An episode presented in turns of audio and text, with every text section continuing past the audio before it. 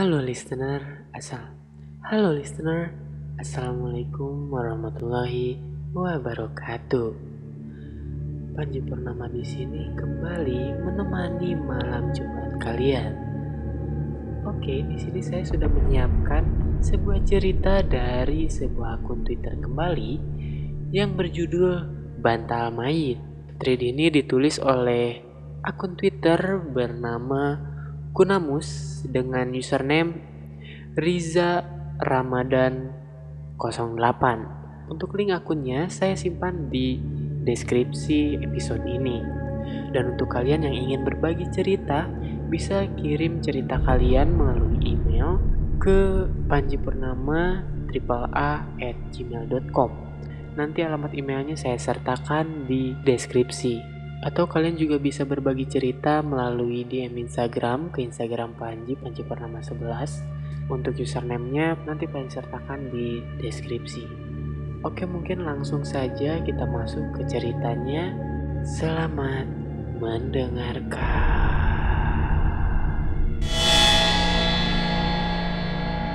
Waktu masih siang. Aku dan teman-teman baru pulang dari sekolah. Seperti biasa, Agenda kami setelah berganti baju adalah bermain pati lele. Lokasi kami bermain adalah berada di halaman rumah Pak Joko, salah satu orang yang memiliki halaman rumah luas yang ada di dusun kami. Saat kami sudah berkumpul dan baru saja memulai permainan, tiba-tiba ada sebuah pengumuman dari pengeras suara masjid. Innalillahi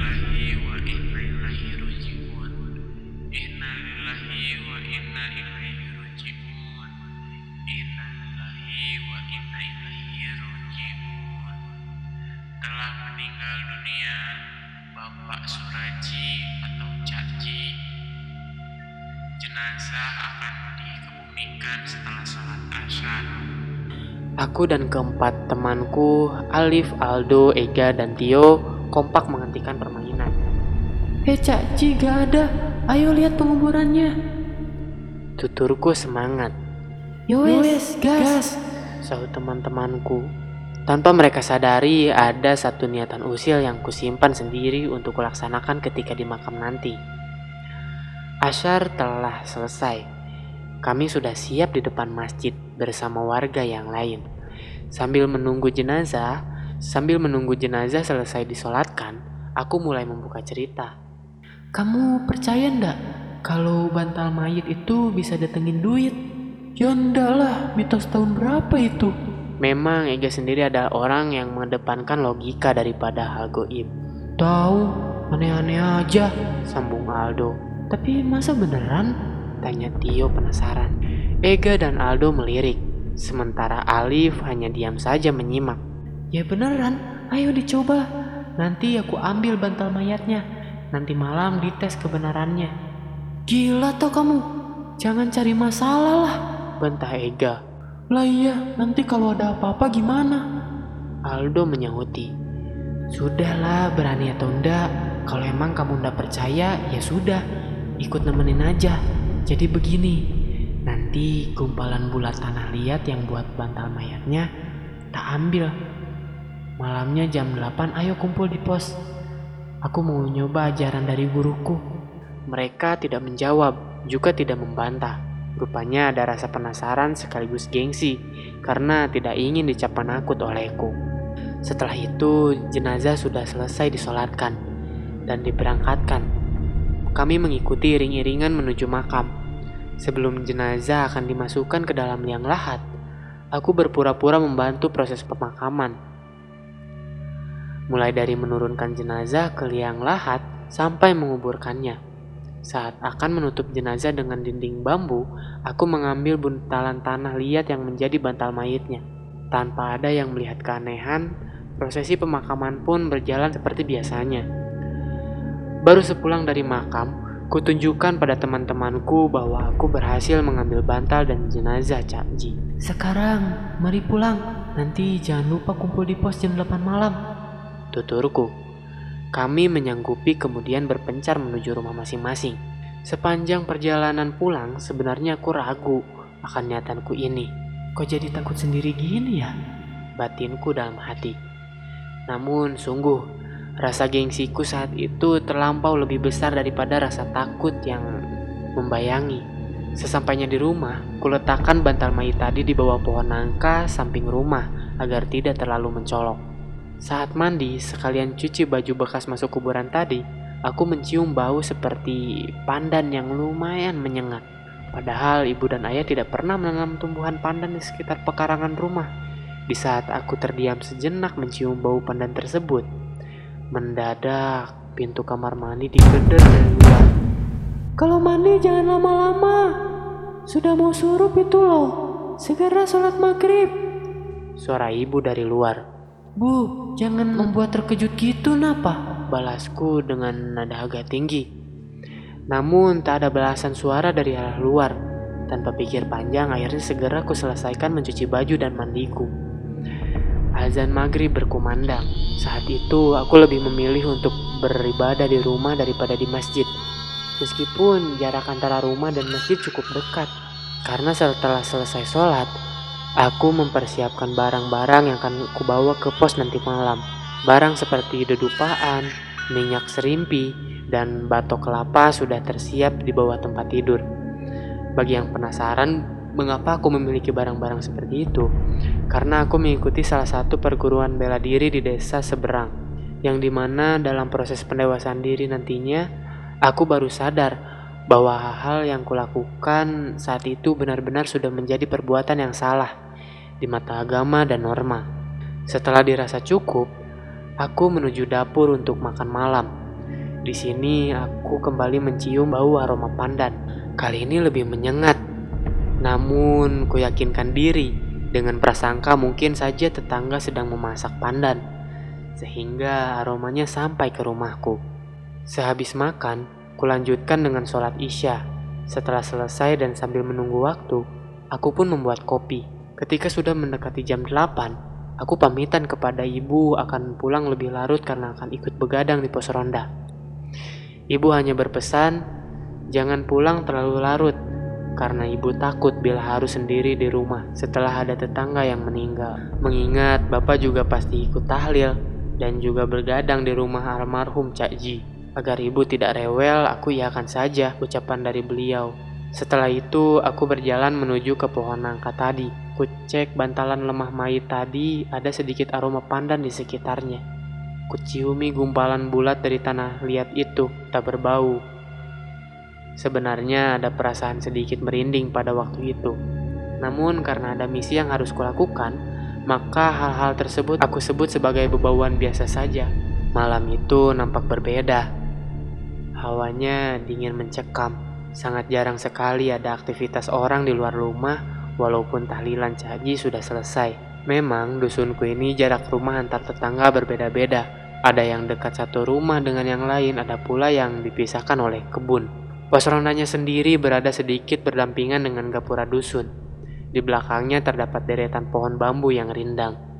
Sedangkan di depannya adalah kebun warga yang biasanya digarap oleh almarhum Cak Ji. Almarhum memang selain menjadi tukang beca, beliau juga bekerja serabutan. Salah satunya adalah dengan menggarap kebun dan memperbaiki atap rumah yang bocor. Almarhum memiliki kepribadian yang baik di mataku dan masyarakat luas.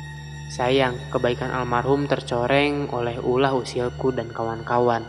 Pos ronda sudah dekat, Terlihat di sana Ega, Aldo, Alif, dan Tio sudah duduk bersila di pos. Tak kira gak jadi. Lah iya, ketuanya malah terlambat ini gimana? Ucap Tio dan Alif bersahutan. Loh, disiapkan sematang mungkin biar acaranya berjalan lancar. Balasku. Ega dan Aldo yang sedari awal memang tidak setuju dengan hal yang aku lakukan hanya diam saja. Mungkin mereka merasa ngeri bila terjadi hal yang tidak diinginkan. Untungnya, untuk mengusir hawa dingin dan rasa tegang, teman-temanku ini membawa beberapa cemilan dan juga kartu remi. Ya, sekedar menghabiskan waktu biar nanti proses ritualnya dimulai agak malaman. Fer, kamu yakin tuh dengan apa yang kamu lakukan? Tanya Ega memecahkan keheningan. Ya yakin kalau aku. Alif dan Tio saja yakin. Kalau kamu takut, gak usah ikut gak apa-apa. Nanti kalau dapat, besok tak kasih. Tegasku. Sebenarnya Tio dan Alip dari awal tidak percaya gamblang berkata setuju. Cuma agar memancing keberanian si Ega dan Aldo, mereka berdua aku sebutin. Ega dan Aldo saling lirik. Ada semacam keraguan dari dalam diri mereka. Sudahlah, gak apa-apa. Tegasku sekali lagi, kubuka kresek yang aku bawa dari rumah. Ku keluarkan segala isinya, aku menyalakan dupa. Semerbak wanginya benar-benar membuat bulu kuduk merinding. Lalu kubakar batok kelapa yang sudah kusirami minyak serimpi dan kubacakan mantra-mantra. Hening, angin seperti enggan untuk sekedar lewat berhembus dan jangkrik pun seperti tak berani bersuara. Ketika api dan batok tiba-tiba membesar, saat itulah aku lempar bantal mayit itu ke tengahnya. Percaya atau tidak, setelah api membakar gumpalan tanah liat tersebut, tiba-tiba aromanya berubah menjadi bau pandan yang sangat menyengat. Fer, sudah hentikan. Ucap Aldo sedikit panik. Mau selesai nanggung. Balasku singkat. Kami berempat menyaksikan di mana kobaran api tadi tiba-tiba langsung mati dan hanya menyisakan asap yang masih berbau pandan. Sudah selesai. Tinggal nunggu. Ucapku lirih sambil melihat jam tangan yang menunjukkan pukul setengah 12 malam. Untuk mencairkan suasana, kami bermain kartu remi sambil memakan kacang dan gorengan yang dibawakan Tio dan Aldo. Saat sedang asik-asiknya bermain, tiba-tiba angin berhembus cukup kencang. Hembusan itu membuat pohon bambu yang ada di belakang pos menghasilkan suara decitan yang lumayan bikin merinding. Dan entah dari mana datangnya, tiba-tiba ada suara burung dares yang memekakan telinga. Sudah mau datang ini, batinku. Aldo, Ega, Tio, dan Alif hanya terdiam sambil sesekali ku dengar mereka berdoa agar menenangkan hati mereka. Aku menyuruh mereka bergandengan tangan sembari terus melafalkan doa-doa. Puncaknya adalah ketika dari atap pos yang masih terbuat dari seng seperti ada barang besar yang jatuh menimpa dari atasnya. Alif menjerit kaget. Mungkin nyalinya sudah mulai luntur. Aku dengan cekatan lari dan menengok ke arah atas pos. Gak ada apa-apa. Ega, Aldo, Alif, dan Tio juga ikut lompat keluar pos dan melihat ke arah atas. Kami yang masih terkejut dan sedikit diliputi rasa takut juga terheran-heran. Barang sebesar apa yang barusan jatuh, sehingga menimbulkan suara hingga sedemikian kerasnya. Kulihat samping kanan dan kiri pos juga tak ada apa-apa. Agar suasana tidak terlalu tegang, akhirnya aku mengajak mereka bermain remi lagi. Sebenarnya mereka sudah ingin pulang karena jam sudah menunjukkan pukul setengah satu dini hari. Namun kularang. Aku beralasan bahwa sebentar lagi kita akan dapat duit. Itu tadi adalah proses ritual yang aku jalani tadi. Mereka sebenarnya mulai tidak percaya. Namun karena sudah terlanjur ikut, mereka sepertinya terpaksa ikut menunggu hasil yang aku janjikan. Tanpa mereka sadari bahwa ritual yang kulakukan tadi bukan untuk mendatangkan uang, tapi untuk mendatangkan arwah. Kami melanjutkan bermain remi, dan terlihat suasana juga sudah mulai cair. Ketika salah satu dari kami kalah, maka leher pemain yang kalah harus mengganjal sebuah korek api sebagai hukuman dan itu cukup membuat kami kembali tertawa lepas. Sampai ketika sedang asik-asiknya, salah satu kartu Tio jatuh lewat sela-sela lantai pos ronda. Karena waktu itu dia bilang yang jatuh adalah kartu as, maka ia pun turun dari pos untuk mencari kartu kemenangannya tersebut. Setelah ia menyalakan senter dan hendak mencari kartu, ia melihat seperti ada kain putih yang membentuk seperti raga manusia. Berusaha meyakinkan penglihatannya, ia menyenteri kain itu dari kiri ke kanan. Saat menyorot ke kanan, Tio berhasil melihat wajah dari pemilik kain tersebut. Cak, cak, cak, cak, ci. Ucap Tio gemetaran. Wajah yang ia lihat sebagai almarhum Cak Ji itu pun tersenyum menyeringai sambil dari matanya mengeluarkan air mata.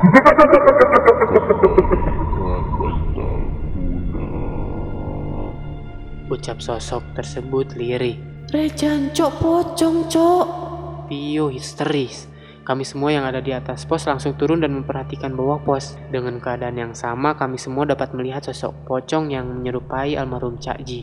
Nah, kembalikan bantalku. Kami semua berteriak histeris dan lari tunggang langgang meninggalkan pos. Kami semua lari, pulang menyebar ke rumah masing-masing. Sesampainya di rumah, aku langsung membasuh kaki dan tangan kemudian masuk menuju kamar ibuku. Ibuku yang tahu biasanya aku tidur sendiri menanyakan kenapa aku tiba-tiba tidur di kamarnya. Aku jawab dengan gelengan kepala. Dalam ketakutanku, aku menutupi wajahku dengan bantal. Bayangan wajah dari sosok tersebut sungguh benar-benar di luar dugaanku. Besok aku ke rumah guruku saja. Aku kapok, tidak mau mengulanginya. Gerutuku dari dalam hati. Sampai dalam keadaan antara takut dan ngantuk, itulah akhirnya aku bisa benar-benar tertidur. Esok paginya, aku bangun dalam keadaan badan sakit semua. Mungkin ini efek dari ritual tadi malam, pikirku. Karena saat itu libur semester, jadi aku berniat pergi ke rumah teman-temanku. Setelah sarapan, aku pergi ke rumah Ega. Namun ketika sampai di sana, rumahnya masih ditutup. Aku beloklah ke rumahnya Aldo. Ternyata kata bapaknya, ia sedang mengantar ibunya ke pasar. Lalu aku bertemu dengan Alif. Ia berkata bahwa setelah melihat pocong yang mirip Cak Ji itu, ia tidak bisa tidur semalaman. Bahkan saking takutnya, ia pindah tidur di kamar kakaknya. Ya sudah, ayo ke kamar Tio. Ajak Alif. Aku mengiyakan. Sesampainya di sana, ibunya bercerita bahwa Tio sedang sakit demam tinggi. Dalam waktu tertentu, ia mengigau dengan memanggil-manggil nama Cak Ji dan teriak-teriak ada pocong. Ibunya Tio bertanya sebenarnya tadi malam itu ada apa? Kok bisa sampai Tio seperti itu? Aku dan Alif saling pandang. Namun agar tak terkena omelan ibunya Tio, aku pun menjawab bahwa memang semalam kami di pos ronda hanya kumpul-kumpul biasa. Cuman waktu Tio hendak mengambil kartunya yang jatuh di bawah pos, ia melihat sosok pocong yang wajahnya katanya mirip almarhum Cak Ji. Alif pun mengiyakan ceritaku. Ibunya menghela nafas panjang kemudian berkata, Besok hati-hatilah nak. Masa iya tali pocongnya lupa dilepaskan? Kalau itu saya juga tidak tahu bu. Ya sudah kalau gitu saya dan Alif pamit biar Tio istirahat biar segera sembuh. Iya makasih ya nak. Dijaga dirinya. Setelah itu aku pun juga pamit kepada Alif. Karena aku mau menuju ke rumah guru bela diriku. Kami berpisah di persimpangan dusun. Singkat cerita, aku sampai di rumah guruku. Aku menceritakan kejadian tadi malam beserta proses ritualnya. Raut muka guruku tampak merah padam, namun beliau tidak sampai emosi. Beliau hanya menghela nafas panjang, menyalakan sebatang rokok, kemudian menghisapnya dalam-dalam. Ini juga salahku, karena aku yang memberitahu ilmunya. Yang sudah, biarlah kita tunggu sampai tujuh harinya. Setelah itu, kita selesaikan semuanya. Aku hanya menunduk tanpa sadar air mataku juga menetes. Aku sadar, aku telah salah. Sekarang pulanglah. Beritahu keluarga dan teman-temanmu. Jangan sampai keluar rumah di atas jam 9 malam. Aku mengangguk tanda paham apa yang beliau pesankan. Setelah salim, aku langsung pamit. Tak lupa aku mampir ke rumah teman-temanku untuk menyampaikan pesan dari guruku. Walaupun orang tua mereka nampak aneh dan heran. Namun aku meyakinkan mereka bahwa dalam tujuh hari ke depan akan ada sesuatu yang buruk. Setelah itu aku pulang ke rumah. Di sana ibu dan ayah sudah menunggu. Setelah aku ceritakan semua runtutan kejadian semalam, sudah pasti aku mendapatkan amukan besar dari bapak dan ibuku. Bahkan satu tamparan keras ayah mendarat di pipiku. Dasar kurang ajar. Kalau sudah begini terus bagaimana? Dusun malah jadi tambah menakutkan. Aku menerima dan pantas mendapatkan tamparan atas kebodohanku. Aku hanya berkata bahwa guru akan membantu setelah lewat acara tujuh hari tahlilan almarhum. Selesaikan apa yang sudah kamu mulai. Ketika semua sudah selesai, keluarlah dari perguruanmu itu. Aku mengangguk. Memang aku juga sudah kelewat batas, dan kejadian ini juga benar-benar mengubah hidupku. Siang berganti sore, sore berganti malam, hingga tiba saatnya acara tahlil di rumah almarhum Cak Ji. Aku ikut sebagai salah satu cara penebusan dosaku untuk almarhum karena sudah berbuat tidak benar. Di sana juga ada ayah dari Ega, Aldo, Tio, dan Alif. Mata mereka menatap tajam ke arahku. Mungkin mereka sudah tahu cerita yang sebenarnya kami lakukan pada malam itu. Sepanjang tahlil aku banyak menunduk karena terus-menerus dilihat oleh ayah dari teman-temanku itu. Setelah tahlil selesai, aku langsung pamit pulang duluan. Tak lupa pula aku geret bapakku. Setelah sampai rumah, aku menceritakan pesan guruku kepada bapakku bahwa jangan sampai ada yang keluar rumah di atas jam 9 malam. Mula-mula bapak tidak percaya. Namun cerita yang berkembang di keesokan harinya merubah suasana dusunku dalam sekejap. Dua korban teror pertama adalah seorang pedagang tahu tek dan seorang warga yang jaga ronda. Kita mulai dari pedagang tahu tek dulu. Di dusunku memang ada penjual sate dan tahu tek yang kadang lewat pada malam hari. Jamnya pun tidak menentu. Kadang jam 8, 9, bahkan pernah jam 11. Waktu itu sudah jam 11 malam ia mendorong gerobaknya sambil memukulkan sendok ke wadah kerupuk yang terbuat dari seng, sehingga menimbulkan bunyi tek tek tek tek tek. Saat melewati pos ronda, ia melihat satu orang. Kemudian orang tersebut pesan dua porsi tahu tek. Beliau membuatkannya, dan orang tersebut berpesan bahwa tahu teknya dimakan di situ saja. Selesai dibuat dan dihidangkan, orang tersebut pun makan tahu tersebut dengan pelan-pelan. Sambil menunggu orang tersebut selesai makan, pedagang tahu tek itu pun memeriksa kompornya. Saat akan menutup kompornya, orang yang membeli tadi berucap, Pak, sabun. Ketika ia berdiri dan melihat ke arah pos, ia melihat sosok pocong sedang membelakangi dirinya. Di dekat sosok itu ada dua piring yang sudah bersih dengan ada dua lembar uang lima ribuan di atasnya. Orang tersebut pun dengan mata terpejam kemudian mendorong gerobaknya perlahan sambil berucap, Uangnya sampean bawa saja. Sambil terus mendorong gerobaknya menjauh dari pos ronda. Setelah agak jauh, baru ia berlari sambil mendorong gerobaknya. Itu dari sisi pedagang tahu tek. Sekarang dari sisi orang yang mau jaga ronda, yang kita sebut saja namanya Maskis. Maskis ini sebetulnya dapat giliran jaga ronda bersama dengan ayah Tio.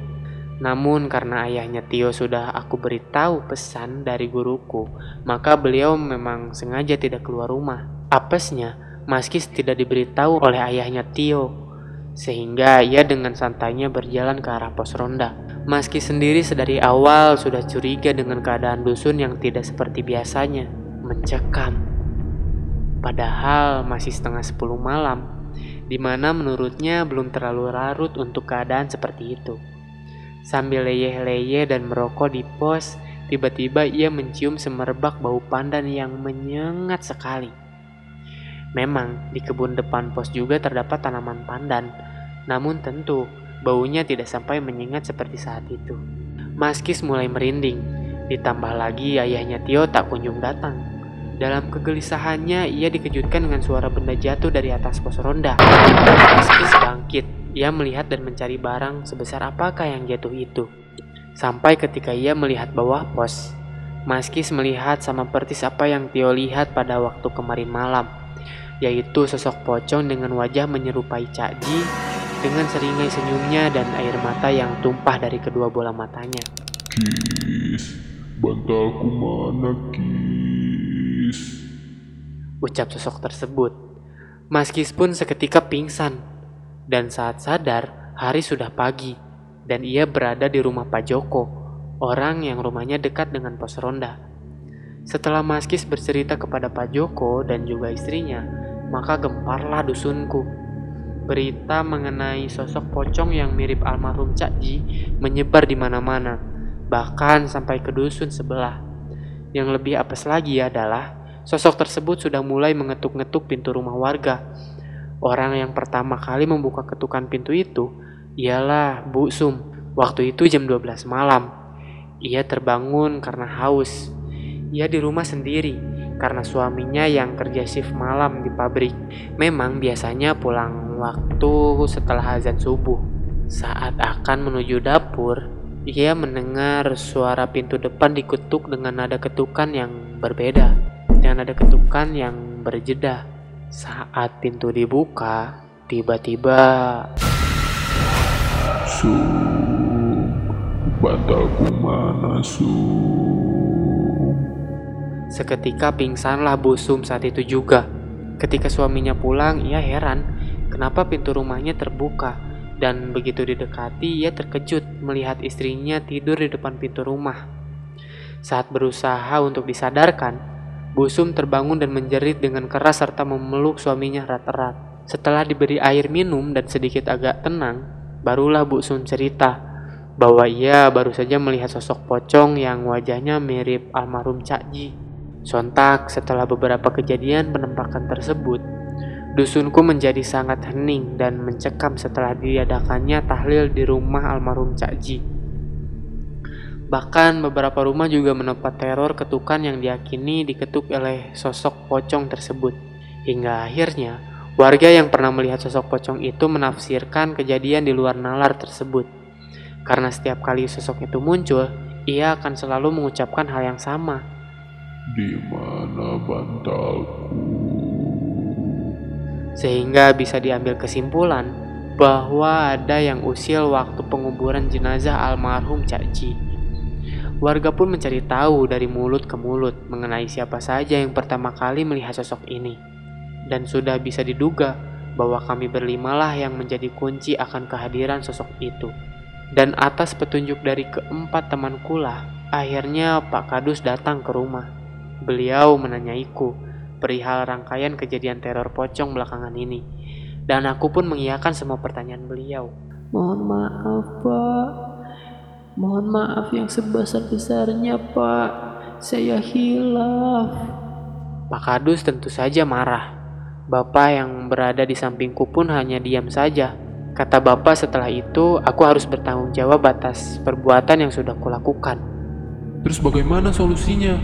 Orang-orang sudah takut semua karena ulahmu. Tanya Pak Kadus dengan nada tinggi. Menunggu tujuh harinya, Pak. Nanti saya sama guru yang akan menyelesaikan. Ya sudah, saya pegang ucapanmu.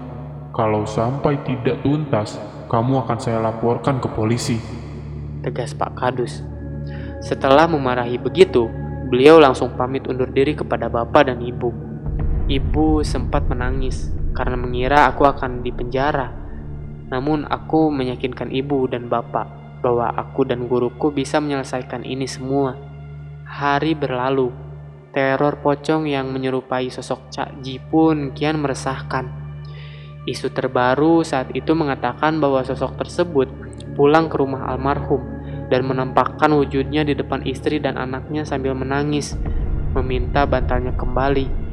Aku ingat, hari itu adalah hari keenam acara tahlilan Cak Ji. Aku tidak berani ikut tahlil semenjak Pak Kadus memarahiku. Namun aku tetap mendoakan dan meminta maaf kepada almarhum meski dari rumah. Bapak sudah pulang dan seperti biasa setelah tahlil suasana dusun menjadi sangat sepi. Aku sedang berada di dalam kamar dan entah mengapa aku belum juga mengantuk. Padahal tadi sore aku masih sempat ikut bermain sepak bola di lapangan bersama teman-teman yang lain.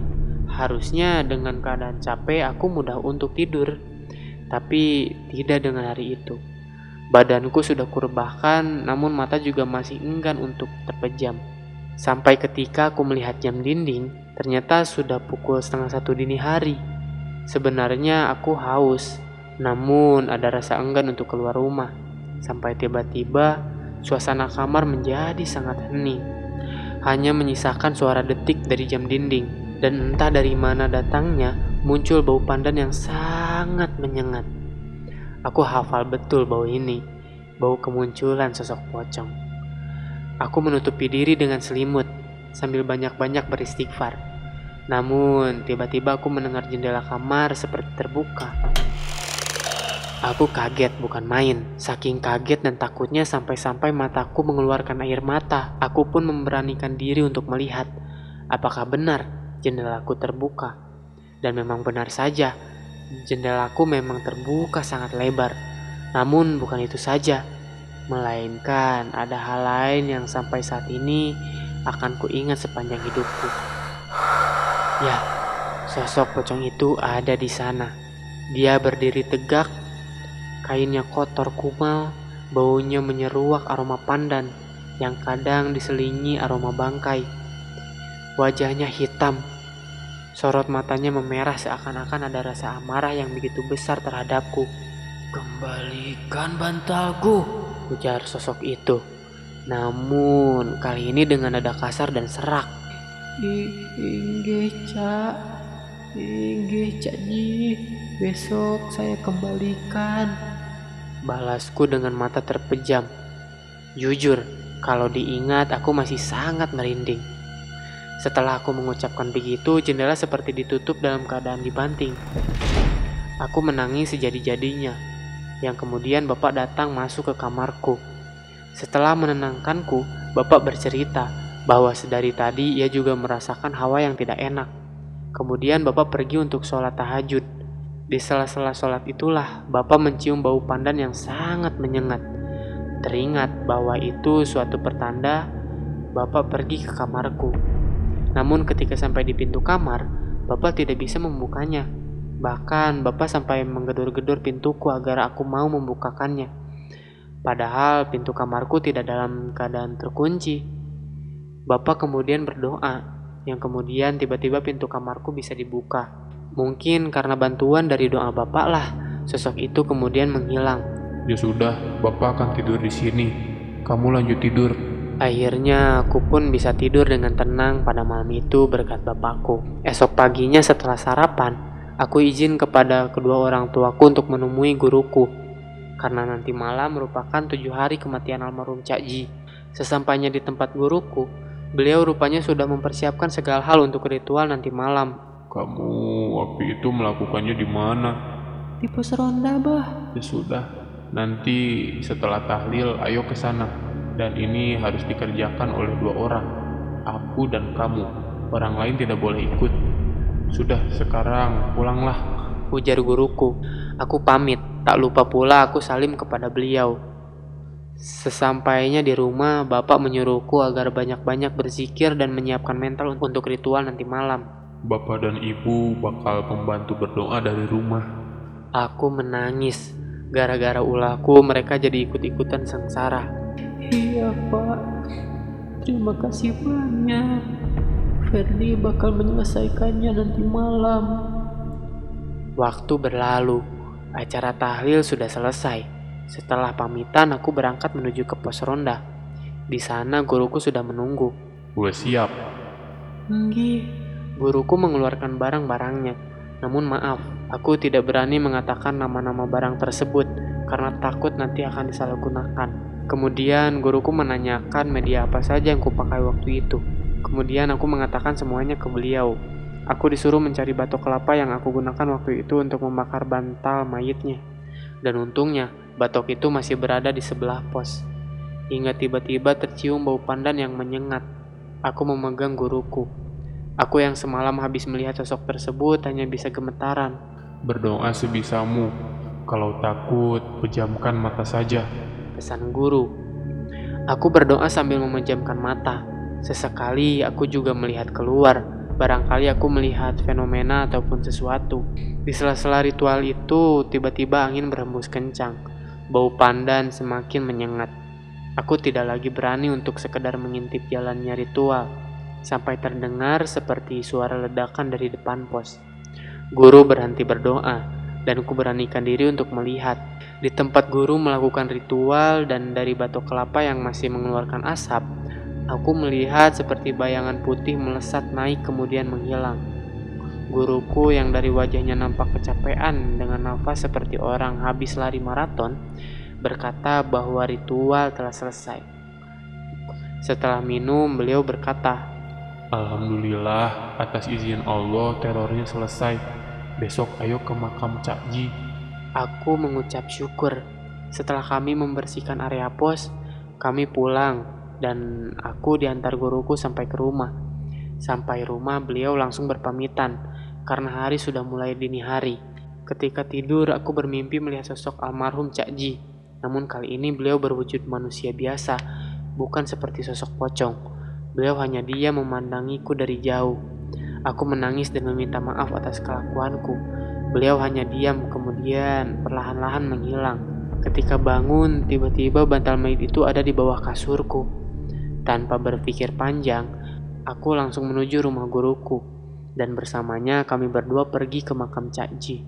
Di sanalah kami berdoa dan meminta maaf atas perbuatanku yang sangat tidak bermoral itu. Saat akan selesai berdoa, guruku menyuruhku untuk menyerahkan gumpalan tanah yang menjadi bantal mayat itu, dan di luar nalar, Guruku mendorong buntalan tanah itu menembus makam tepat di nisan yang menjadi tanda kepala dari jenazahnya tanpa menggali makam sedikit pun. Aku yang menyaksikan peristiwa itu tercengang bukan main.